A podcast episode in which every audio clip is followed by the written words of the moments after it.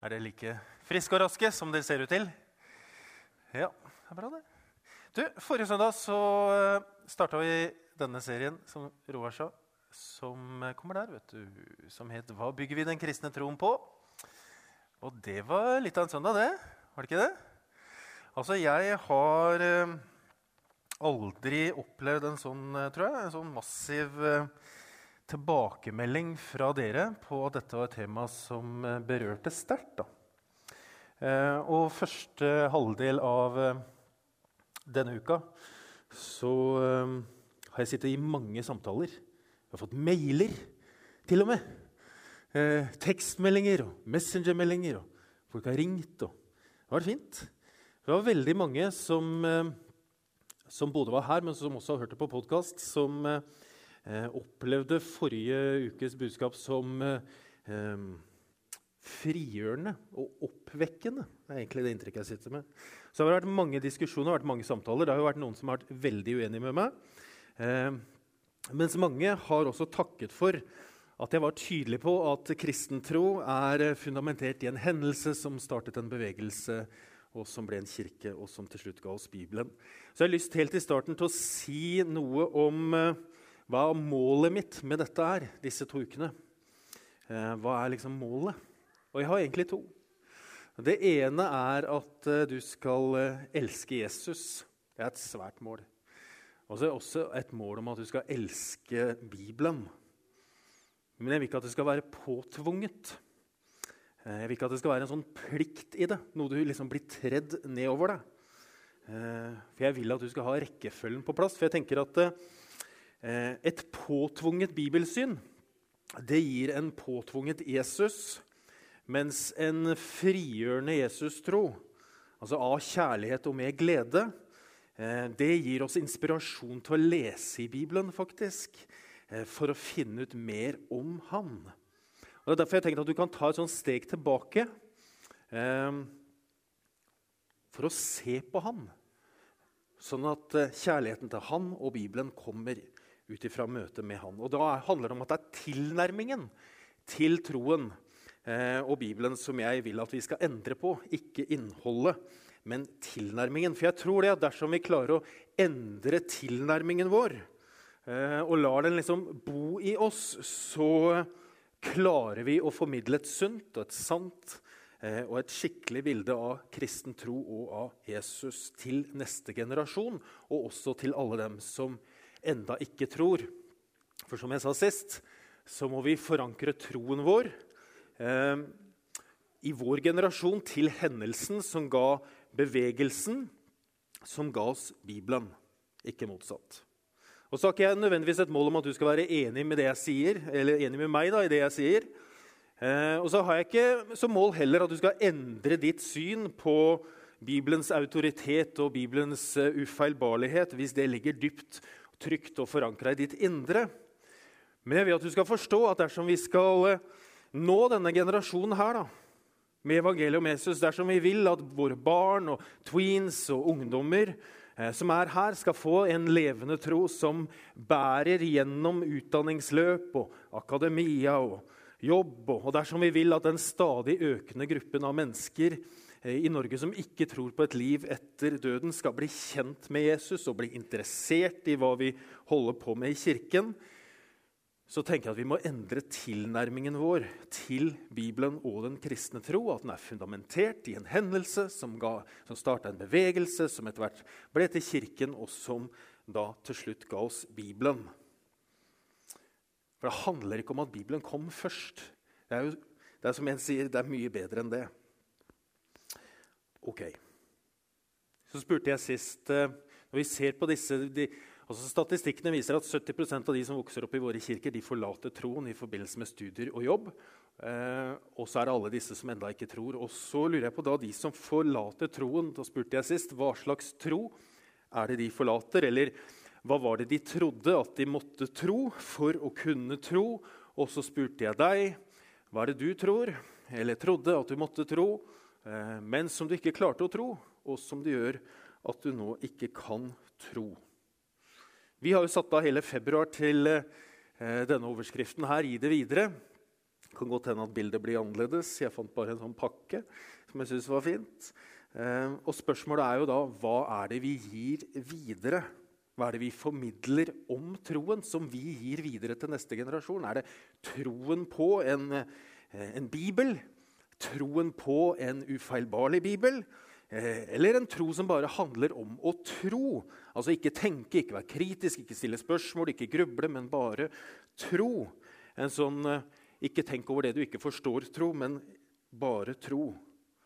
Um, og så tenker jeg at faren ved en, eh, en tro på en ufeilbarlig bibel, hvor hvert eneste tøddel og komma fra innholdsfortegnelse til karter er Guds ufeilbarlige ord og står fast eh, Faren ved det er jo det som jeg også sa sist, at troen blir et sånt korthus. og Hvis du finner en motsetning eller hvis du finner en feil eller du finner noe som ikke stemmer, og du tar ut det, så raser trosgrunnlaget ditt, og da raser også troen din, fordi den er bygd på at alt er ufeilbarlig. Jeg kunne sagt en del om andre konsekvenser ved et sånt bibelsyn. og det skal jeg ikke gjøre.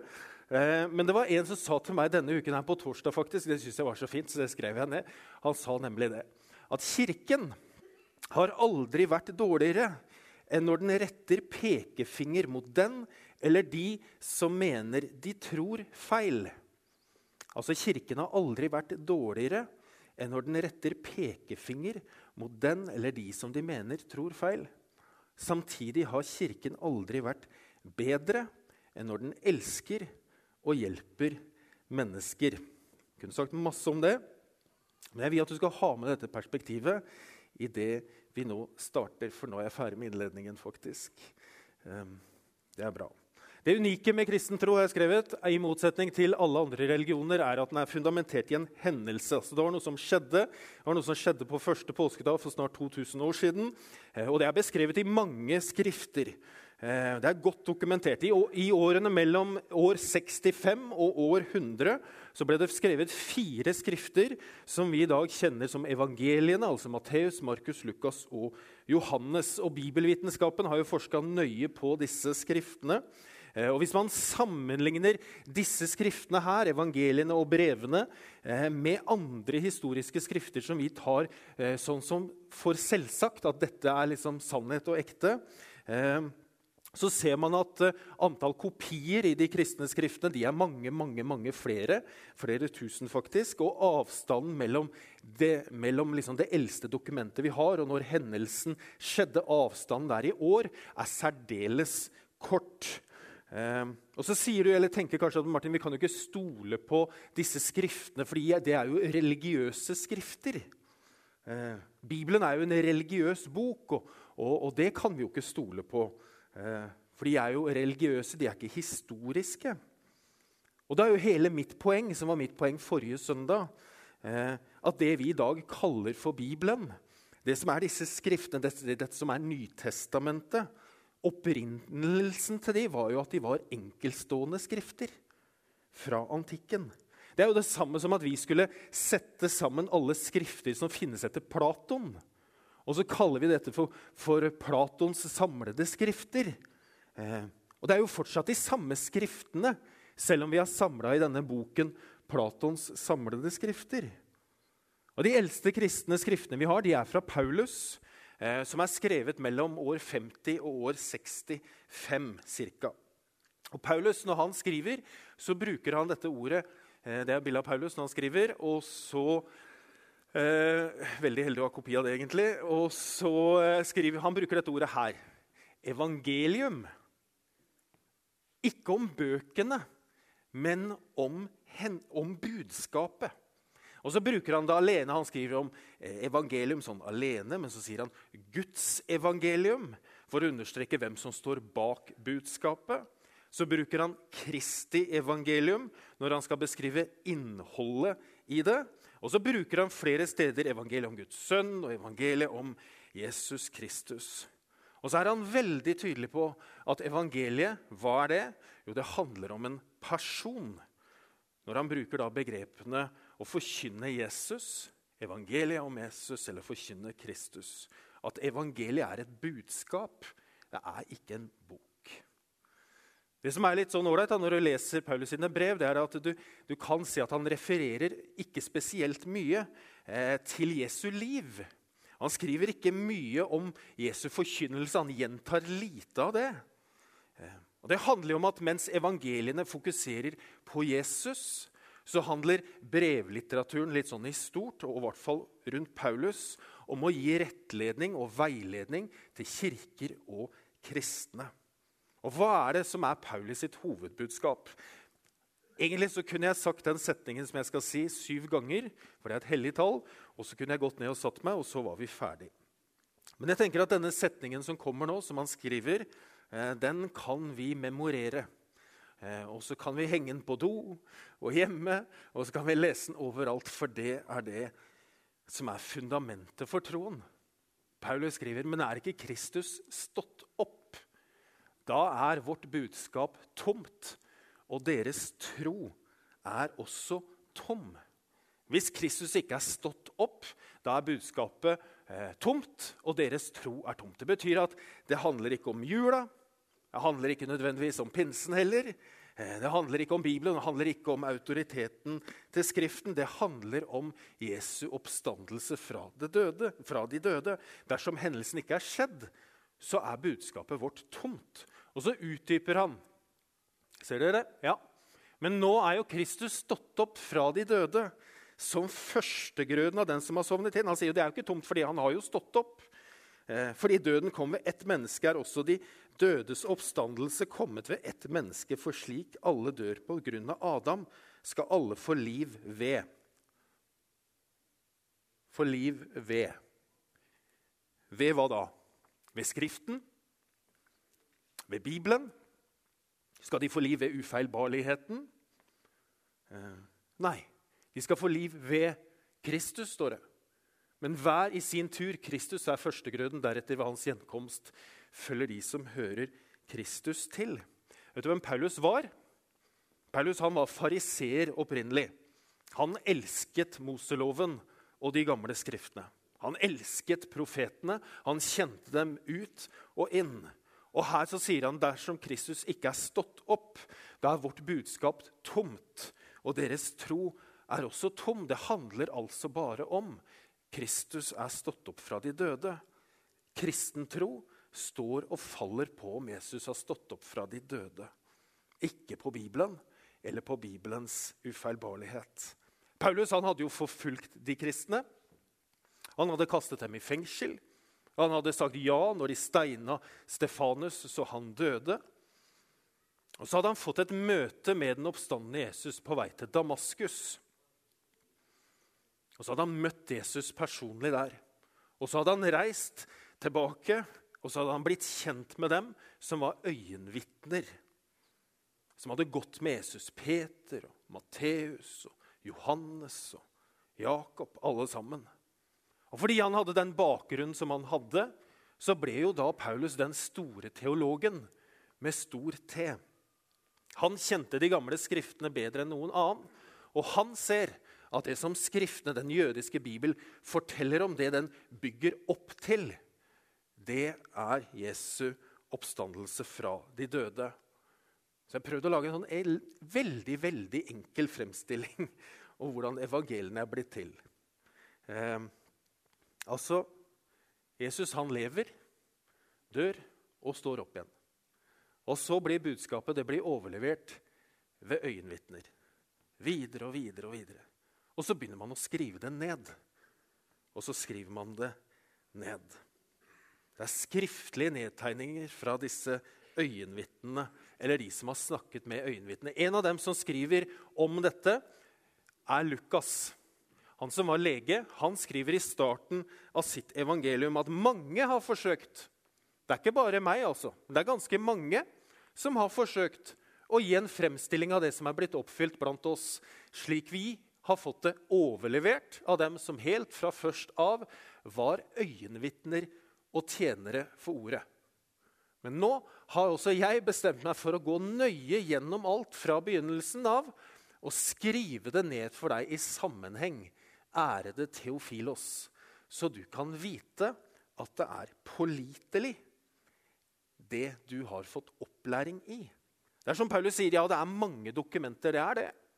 Det er veldokumentert, men nå har jeg bestemt meg for at jeg vil gå gjennom alt fra begynnelsen av og skrive det ned i sammenheng, sånn at du kan vite at dette er pålitelig. Og Når du leser det jeg har skrevet, så vil du se når du sammenligner det med de andre, at jeg har ca. en tredjedel felles stoff med Markus, ca. en femtedel er med Matteus, og resten har jeg fra disse andre kildene. Fra pålitelige kilder. Jeg sier Lukas, jeg var jo ikke en av Jesu nære disipler, men jeg kjenner dem godt.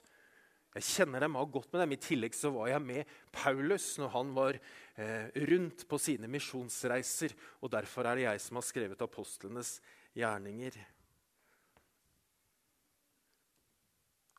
Så har du disse andre bøkene. Du har Matteus, som også var øyenvitne. En av disiplene til Jesus har det som kjennetegner Matteusevangeliet han beskriver ham på forskjellig vis som jødenes Messias, altså den de ventet på. At han skulle være en konge som skulle være konge og frelse hele verden. At han var en lærer som var større enn Moses. At han var Guds sønn, denne menneskesønnen som skulle gi livet sitt for oss. Det er Matteus. Markus skriver det korteste, mest konsise, men samtidig et veldig detaljrikt evangelium. Han tar ikke alle historiene, men han tar noen færre. Og så skriver han mye mer detaljert om mye av det som skjedde. Og vi tror at Markus er et av de eldste, og at Lukas og Matteus er basert også da på Markus. Så har du da Johannes-evangeliet, som veldig mange er veldig glad i. Fordi det er så annerledes enn de tre andre. Det er poetisk og beskrivende. Og, og så gir det inntrykk av å være skrevet av en som var veldig nær Jesus. Han refererer ofte til den disippelen som Jesus hadde kjær. Det var meg, liksom.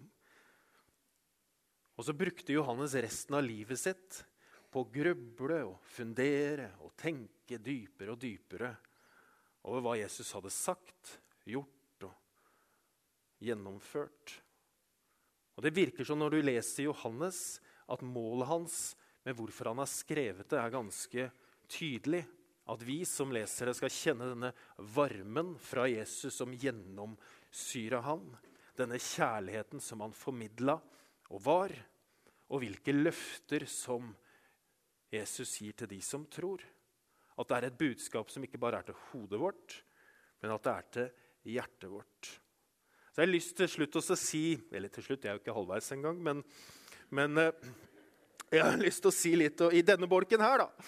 Det, blir, det, er jo menighetsmøte, og det er derfor vi har pizza, men, men, vi blir sittende lenge. Nei, da gjør ikke det. Jeg har lyst til å si litt om Jakob og Jakobs brev.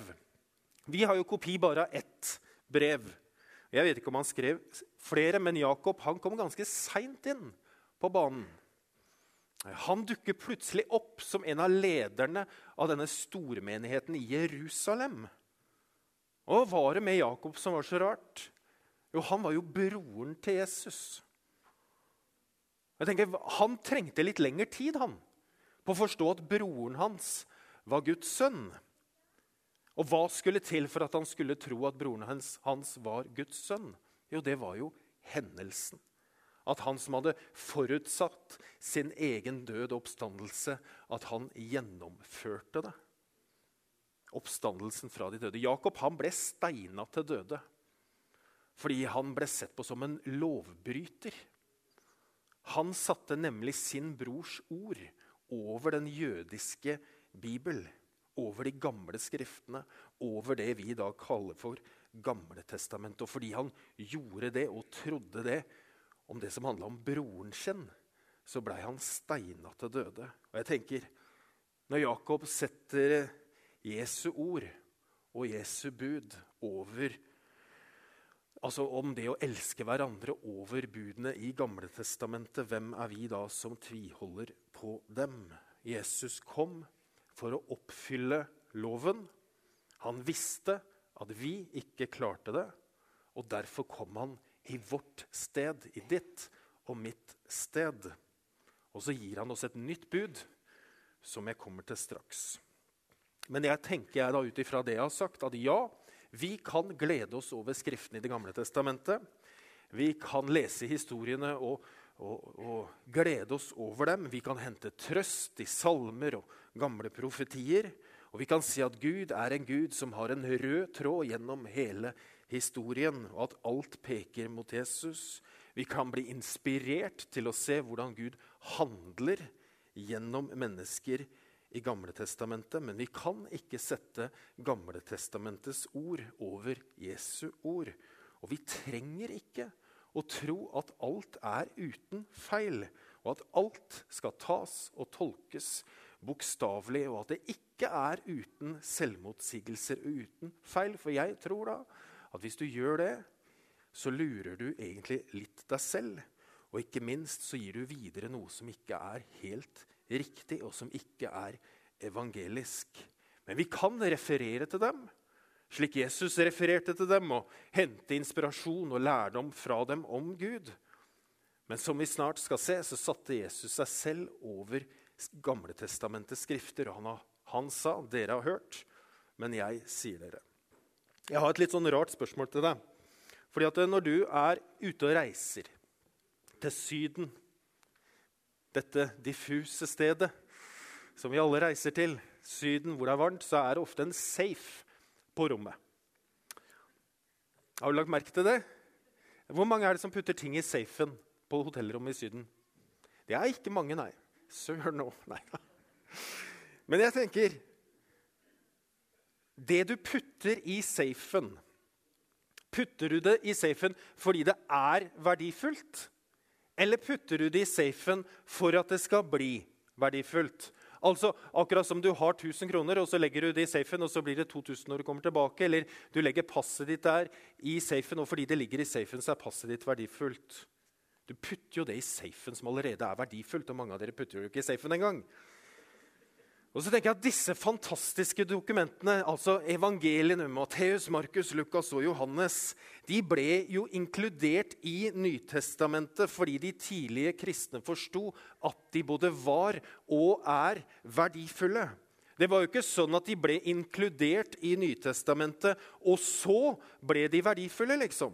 Nei, de ble jo inkludert fordi de var og er verdifulle for oss. Og så tenker du nå leker du bare mor igjen, Martin, akkurat som du gjorde sist. altså koke suppe på spiker.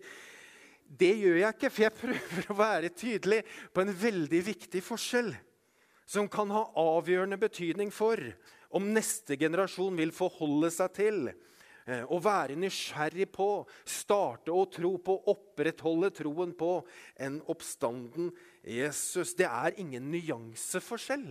Det er en viktig forskjell.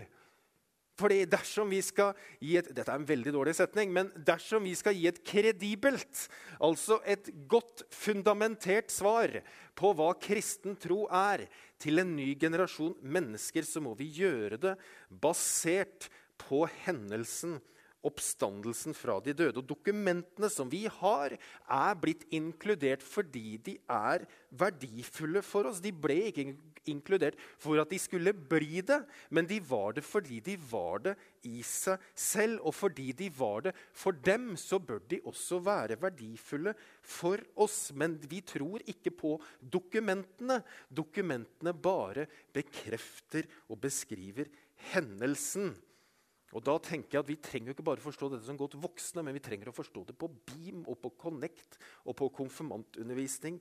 Og at vi må være veldig nøye på hvordan vi kommuniserer dette. Og ikke bare si du må bare tro, liksom, du trenger ikke forstå alt. eller nei, nei, det er ikke alt vi forstår. og sånn og sånn. Vi må snakke ordentlig om det, sånn at det bærer. Ok, nå har jeg snakka nok om dette, tror jeg. I Efeserbrevet så bretter eh, Paulus ut hva kristen hva som er grunnlaget for troen. Og som jeg har sagt, det er ikke en tekst, men det er en person.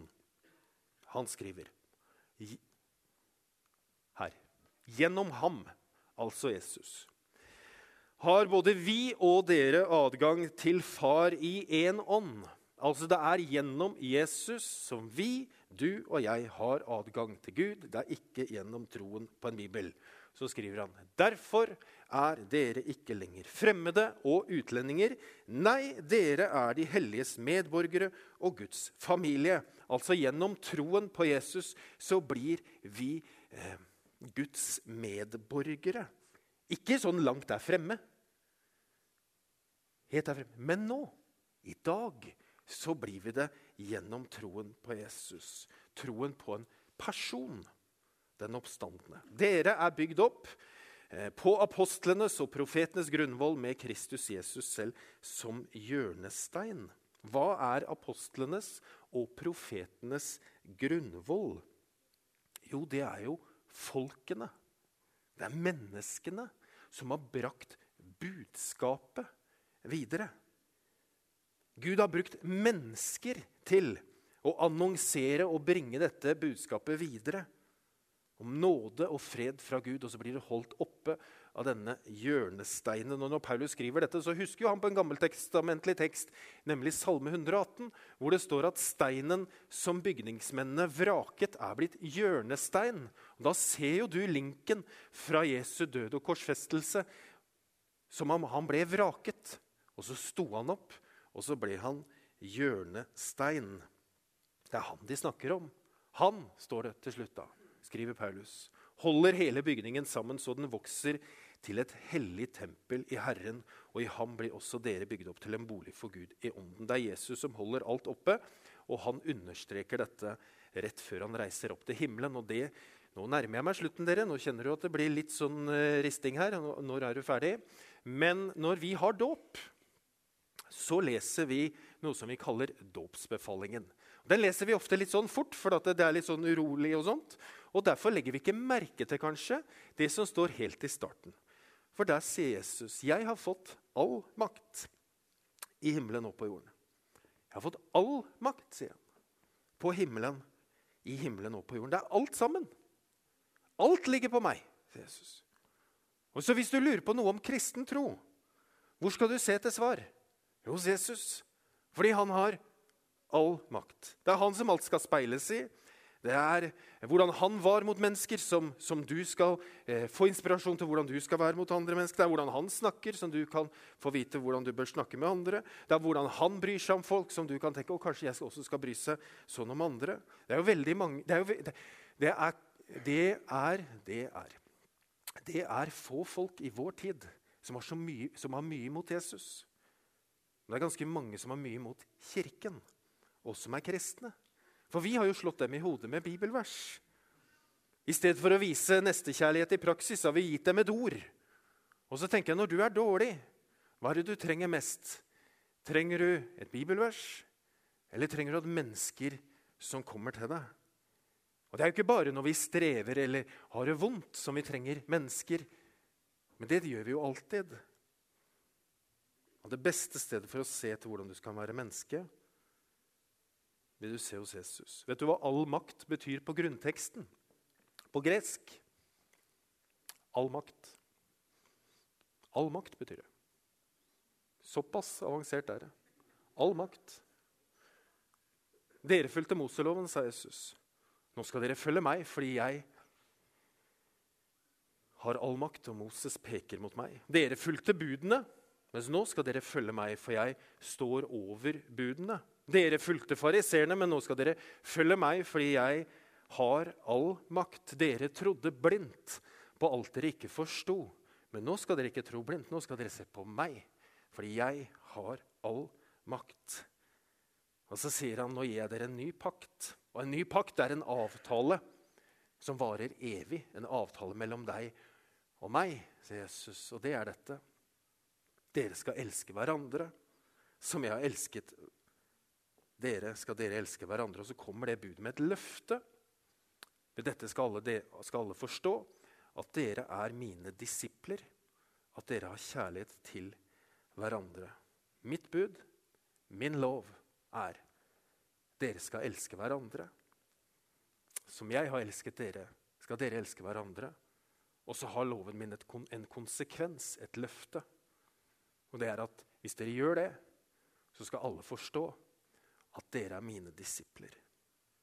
Hvis du lurer på hva det vil si å følge etter Jesus, hvis du lurer på hva kristen tro handler om, hvis du lurer på hva som er grunnlaget for troen vår, og hva du er kalt til å gi videre, så er det ikke troen på de gamle skriftene. For de dokumenterer jo bare med ulike innfallsvinkler hva som er grunnlaget for troen vår. Det du er kalt til å gi videre, det er budskapet om hendelsen. Jesu oppstandelse, hvor han gir oss ett bud at vi skal elske hverandre sånn som han har elska oss. Og hvor høyt elska Jesus oss? Jo, han ga livet sitt for oss. Han satte seg selv foran andre. Og kanskje vi også skal begynne å gjøre det. Jeg, jeg, har, tenker at Av og til leser jeg at vi må strekke ut en hånd, og så tenker jeg at en hånd blir ofte litt sånn oh, veldig sånn diffus og liksom sånn Vi må bare være greie, liksom. Men jeg tenker at når Jesus kaller oss til nestekjærlighet, så, han, så kaller han oss til å gjøre det med intensjon. Om at vi, vi gjør det, vi. Vi gjør gode ting, vi. Fordi han kaller oss til det. Ikke bare sånn sier det, liksom, som en sånn floskel. Og hvis vi mener det, så må vi mene disse ordene vi sier om å gå en ekstra mil, som er sånn typisk kristent, som vi sier, eller være god og bringe velsignelse videre på ordentlig. Det var jo det Jesus gjorde. Jesus han var jo knallhard han, i møte med fariseerne, som hadde mista grepet om disse gamle skriftene og hva de betydde. Eller hvordan de skulle tolke dem. Han var jo knallhard når han var i tempelet og det rev ut disse eh, tempelvokterne som hadde gjort tempelet som han sa, til en røverhule. Da var han knallhard. Og så var han full av nåde og kjærlighet mot dem som strevde med livene sine.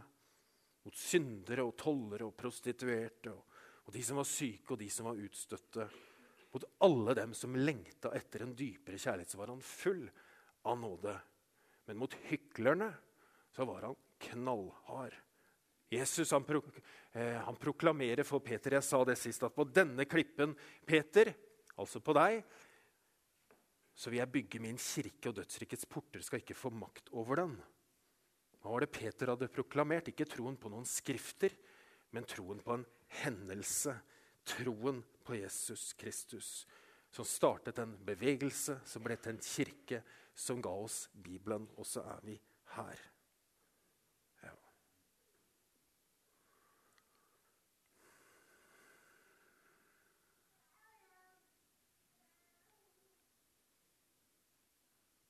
Jeg håper uh, vi kan hjelpe hverandre til å nærme oss Bibelen på en annen måte enn at vi er så fundamentalistiske. Jeg tror, og Vi tror at Gud taler til oss gjennom Bibelen. Og vi tror at den er menneskers beste eh, rettesnor for liv og lære. Men vi skal fundamentere troen vår i hendelsen og så starter det derfra. Og så går det ut. Og da må vi holde tunga rett i munnen. Og det er vrient, men det tror jeg vi klarer. Gjør vi ikke det? Jo, vi gjør det. Det er veldig bra. Du, nå var egentlig det jeg hadde tenkt å si. Det var mange ord og mye tekst.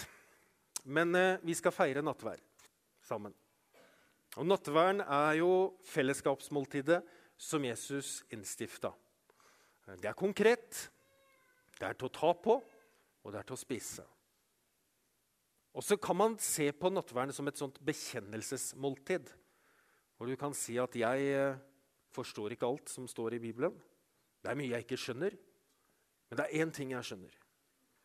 Og det er at kristen tro, det handler om deg, Jesus. Det handler om at du døde på korset for eh, min skyld og at du sto opp igjen fra de døde for at jeg skulle være sammen med deg for alltid. Det er denne hendelsen som er grunnlaget for troen min. Det er det jeg skal speile alt i. Og så tror jeg at de skriftene i Nytestamentet er troverdige. Det tror jeg.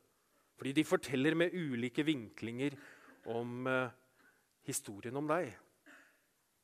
Og det er på, disse, på grunnlag av dette som vi kan be, skal vi be sammen. Kjære Jesus. Jeg ønsker å tro på deg. Jeg ønsker at du skal komme dypere og dypere inn i livet mitt. Påvirke meg, prege meg, influere meg. For jeg vil følge deg der du går, Jesus.